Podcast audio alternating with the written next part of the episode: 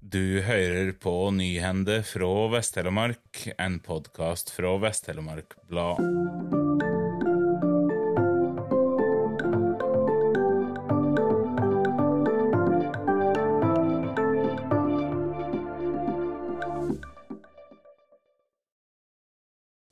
Denne siste veka inn mot valget blir det litt annerledes sendinger, da vi skal kikke nærmere på ståa i hver kommune i Vest-Telemark.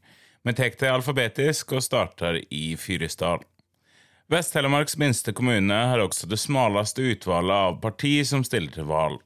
Fyresdølene kan bare velge mellom to partier når det går til valgurnene mandag 11. september. Arbeiderpartiet, som har makta i dag, og Senterpartiet.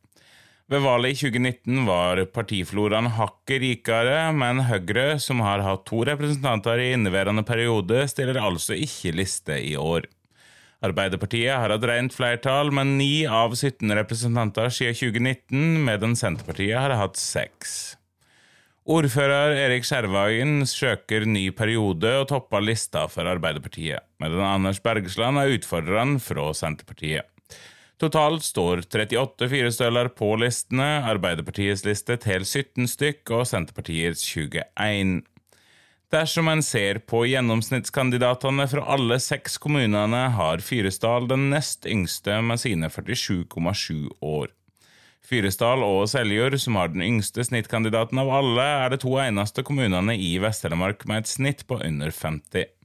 Fyresdal utmerker seg også som kommunen med klart størst del av kandidatene som er under 30 år. Nesten én av fem kandidater i Fyresdal tilhører denne aldersgruppa, som er mer enn dobbelt så mye mer enn neste kommune på lista. Av de 38 kandidatene som står på lista til de to partiene, er 18, dryge 47% kvinner. Toppkandidatene i kommunen, altså de som står på topp ti på de to listene, er i kjønnsbalanse med ti kvinner og ti menn.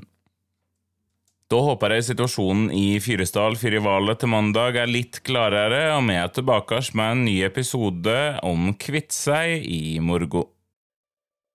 Tusen takk for at du hørte på.